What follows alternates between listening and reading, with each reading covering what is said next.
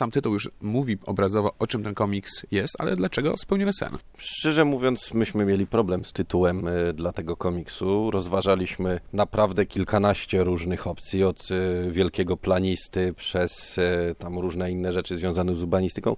Spełniony Sen ostatecznie dlatego, że marzeniem hrabiego było zbudowanie, stworzenie takiego nowoczesnego letniska, podstołecznego na wzór y, podobnych y, miejscowości niemieckich i udało mu się to, ponieważ Konstancin do dzisiaj jest jedynym uzdrowiskiem na Mazowszu, a poza tym no, cały czas y, jednak mimo wielokrotnych przekształceń i połączenia z kilkoma sąsiednimi ośrodkami miejskimi jest taką bardzo urokliwą, fajną miejscowością. Jakie ramy czasowe udało wam się zawrzeć w tym komiksie? On w zasadzie obejmuje jakby dwie rzeczy. Po pierwsze życie hrabiego Skórzewskiego od narodzin do momentu, kiedy e, przybył pod koniec XIX e, wieku do Konstancina, żeby zająć się właśnie tworzeniem Konstancina, aż do chwili jego śmierci w grudniu 1912 roku, której setna rocznica wypada w tym roku już wkrótce. I między innymi to właśnie ta setna rocznica śmierci hrabiego było przyczyną, że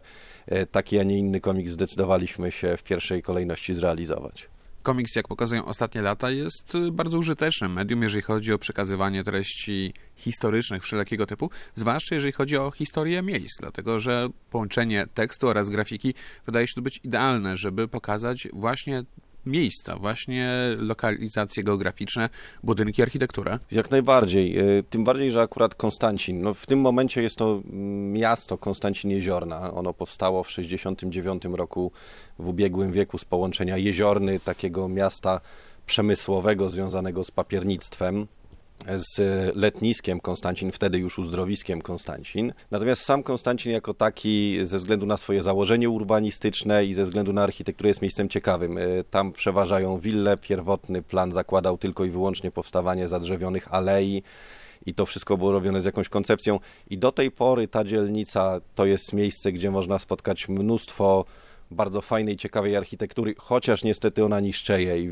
wiele z tych willi popada w ruinę z takim ogólnym planem urbanistycznym bardzo ciekawym. Takie typowe właśnie letnisko, miejsce wypoczynkowe, gdzieś miejsce planowane przez Skórzewskiego jako taka letnia rezydencja elit ten komiks bardziej skupia się na biografii, czy bardziej na właśnie tym, jak Konstancin powstawał, jak został wymyślony i jakie były pierwotne intencje? Ja myślę, że to jest wypośrodkowane. Zaczynamy od historii hrabiego, który jest najważniejszą postacią w, w tej historii, bo on był pomysłodawcą, aczkolwiek nie jedyną, ponieważ miasto założył ze swoim stryjem hrabią Mielżyńskim i jego życie e, przed Konstancinem jest przedstawione tak trochę skrótowo, natomiast wszystkie najważniejsze wydarzenia zostały tam zawarte a y, dalsza część komiksu pokazuje właśnie etapy tworzenia miasta, etapy planowania, gdzieś tam y, wszelkie rzeczy, które były ustalane y, na spotkaniu towarzystwa założycielskiego i kolejne najważniejsze wydarzenia do śmierci hrabiego, czyli powstanie pierwszych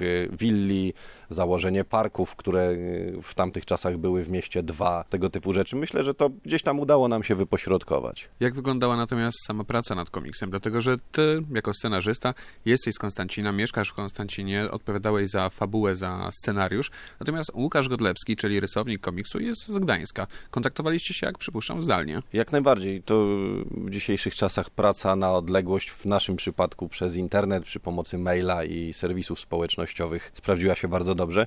To w ogóle jest trochę dłuższa historia, ponieważ ja pomysł na komiks o mieście jako takim, o Konstancinie Jeziornie miałem wcześniej i zaprezentowałem go na którymś ze spotkań w miejscowym domu kultury.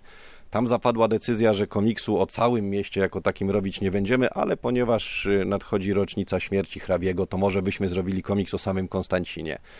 Ja najpierw przygotowałem scenariusz tak generalnie pod siebie. Tą wersję zaprezentowałem Konstancińskiemu Domowi Kultury, potem naniesione zostały poprawki i potem dopiero zaczęliśmy szukanie rysownika. W momencie, kiedy Łukasz podjął się e, realizacji tego zadania, to myśmy faktycznie w trakcie całej pracy się nie spotkali, ponieważ pracowaliśmy przez mniej więcej pół roku od, od wiosny gdzieś do późnego lata, powiedzmy do wczesnej jesieni 2012, a spotkaliśmy się dopiero na zakończenie pracy, kiedy wszystko było już klepnięte na festiwalu w Łodzi w październiku.